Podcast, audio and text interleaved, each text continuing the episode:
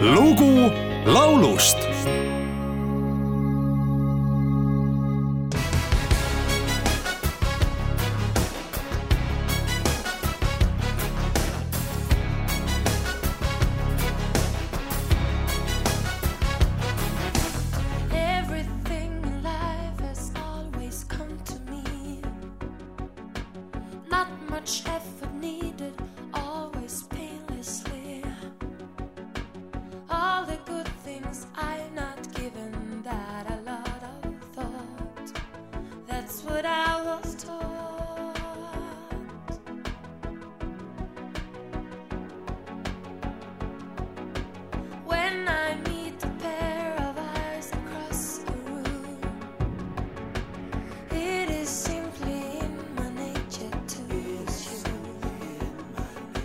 Should I want it? here or?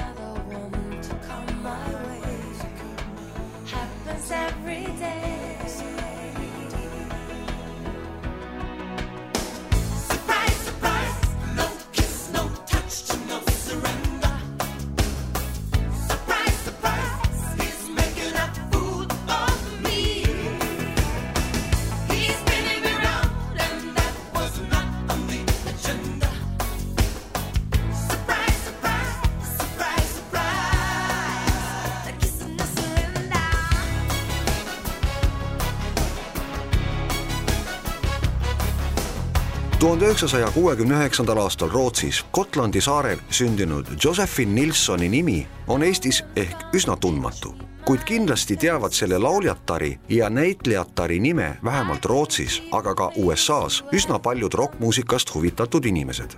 Juba neljateistaastaselt moodustas Josephine koos oma õe ja paari sõbrannaga kodusaare pealinnas Visbys humoorika lavasõu Einbusk Singers ehk siis Kadaka põõsas lauljad mõne aasta möödudes kandus selle ansambli kõmu saarelt ka Rootsi emamandrile ja sattus kõrvu kuulsale APA solistile ja heliloojale Benny Andersonile. APA-ga juba lõpparve teinud Benny otsustas Josephine'i anded ära kasutada ta komponeeris ja produtseeris tuhande üheksasaja üheksakümne kolmandal aastal koos oma partneri Björn Ulvausega USA turgude jaoks mõeldud lauljatari esimese ingliskeelse sooloalbumi Shapes selle plaadi avalooks oli momendil kõlav Surprise, surprise. kuid mitte kehvem, vaat et isegi rohkem kõrvu kikitavam on ka eestikeelne cover, mille on salvestanud Nancy pealkirja all Sa muutsid kõik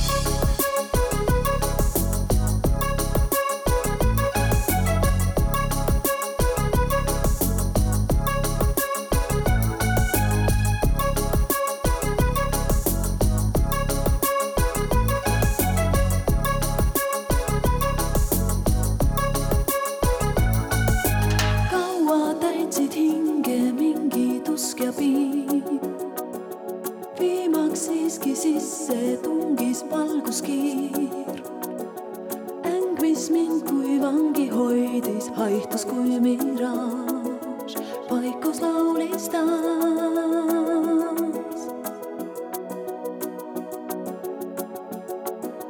taas võin kergel sammul sambal astuda jälle julgen suudlust võtta sest su tulles lõppes kaos. taas on kõigel seas. sa muutsid kõik, sa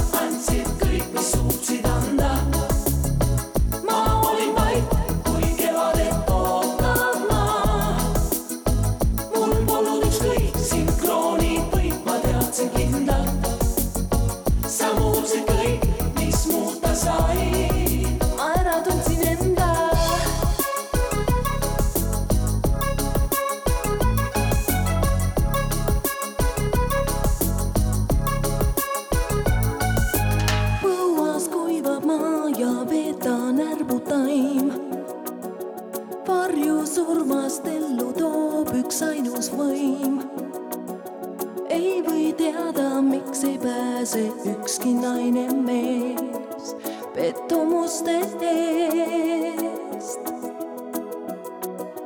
miski siiski aina ootab üht ja teist, miski usku meid. see, mis muudab kaunis kõik ja üllatab meid veel, ainult arm on see.